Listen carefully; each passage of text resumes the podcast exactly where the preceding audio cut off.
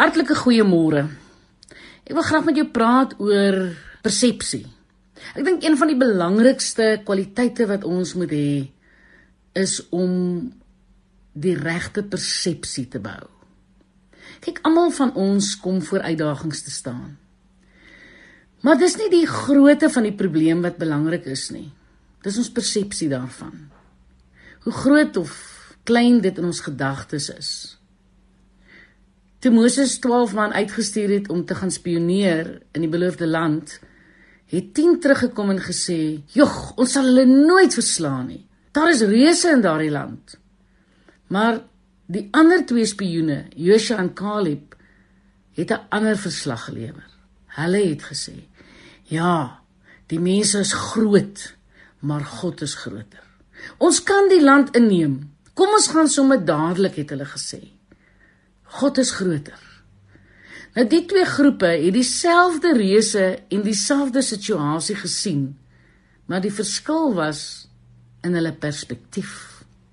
Die een groep het hulle fokus gestel op die grootte van hulle God en die ander groep het gefokus op die grootte van die vyand.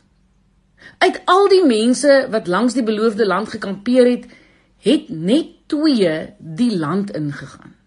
En dit was Joshua en Caleb. Kan dit wees dat jou perspektief jou terughou uit jou beloofde land? Is dit moontlik?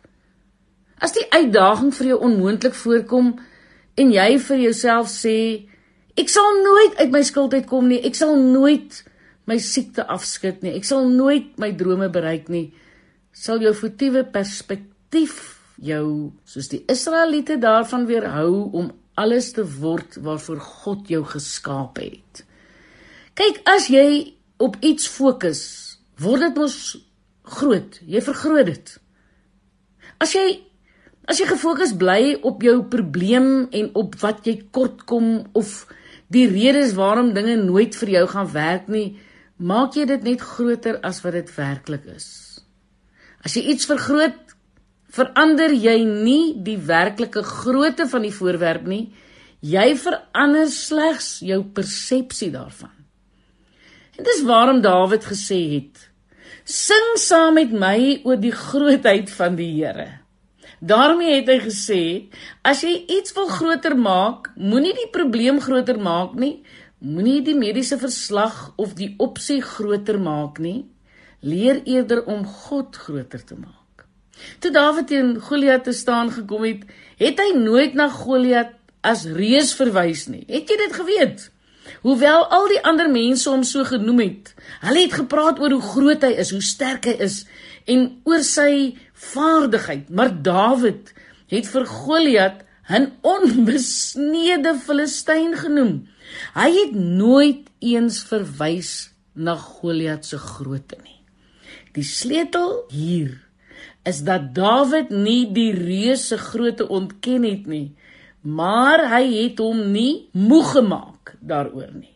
Sy ingesteldheid was as ek iets wil vergroot, sal dit die bron van my krag wees.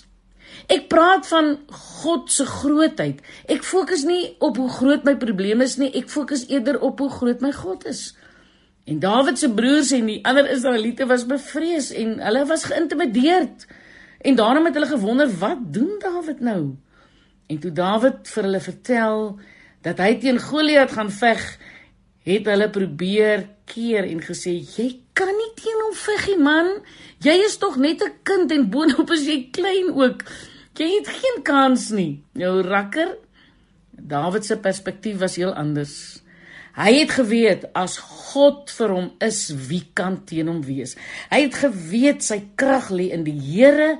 Hy het ook geweet hy is nie alleen nie, want al die kragte van die hemel het hom ondersteun. Waar is jy in die lewe met jou perspektief? Ja, verander bietjie jou perspektief. Fokus bietjie op die oplossing. God is altyd ons antwoord. Ek is Lenet Beer vir Radio Kansel.